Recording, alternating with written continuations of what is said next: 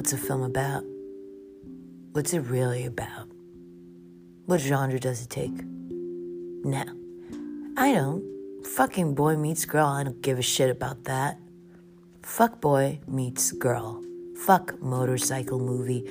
Now, what is really being said? What's really being said, that's what you were talking about. Because the whole idea, man, it's subversion. You want subversion on a massive level. You know what one of the greatest, greatest fucking scripts ever written in the history of Hollywood is Top Gun. And Top Gun is fucking great. What is Top Gun? You think it's a story about a bunch of fighter pilots? It's a story about a man's struggle with his own homosexuality. It is. That is what Top Gun is about, man. You've got Maverick, all right? He's on the edge, man.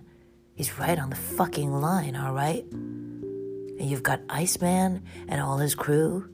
They're gay.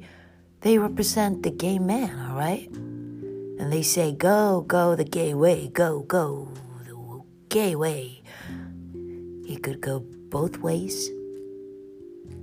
Kelly McGillis, she's heterosexuality. She's saying, no, no, no, no, no, no, no. Go the normal way, play by the rules, go the normal way. They're saying, no, go the gay way, be the gay way, go for the gay way, all right? That's going on. That's what's going on throughout that whole movie.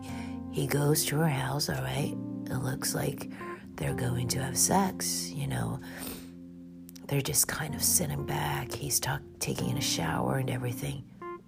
They don't have sex. He gets on the motorcycle, drives away. She's like, What the fuck?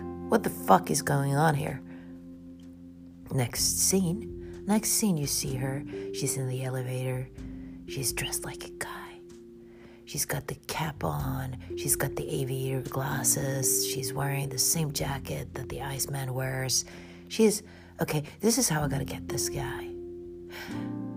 This is going towards the gay way. I'm gonna bring him back. I'm gonna bring him back from the gay way so I don't do that subterfuge. I'm gonna dress like a man, all right? That's how she approaches it. Okay, now let me just ask you. I'm going to digress for two seconds here. I met this girl, Amy here. She's like floating around here and everything now. She just got divorced, right? All right. But the real ending of the movie is when they fight the MIGs at the end, all right? Because he has passed over into the gay way. They are this gay fighting fucking force, all right? And they're beating the Russians. The gay are beating the Russians. And it's over.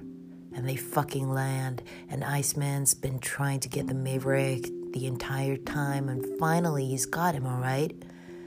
And what is the f- last fucking line they have together? They're all hugging and kissing and happy with each other. And Ice come comes up to Maverick and he says, Man you can ride my tail anytime. And what does Maverick say? You can ride mine. Sword fight, sword fight, fucking A, man.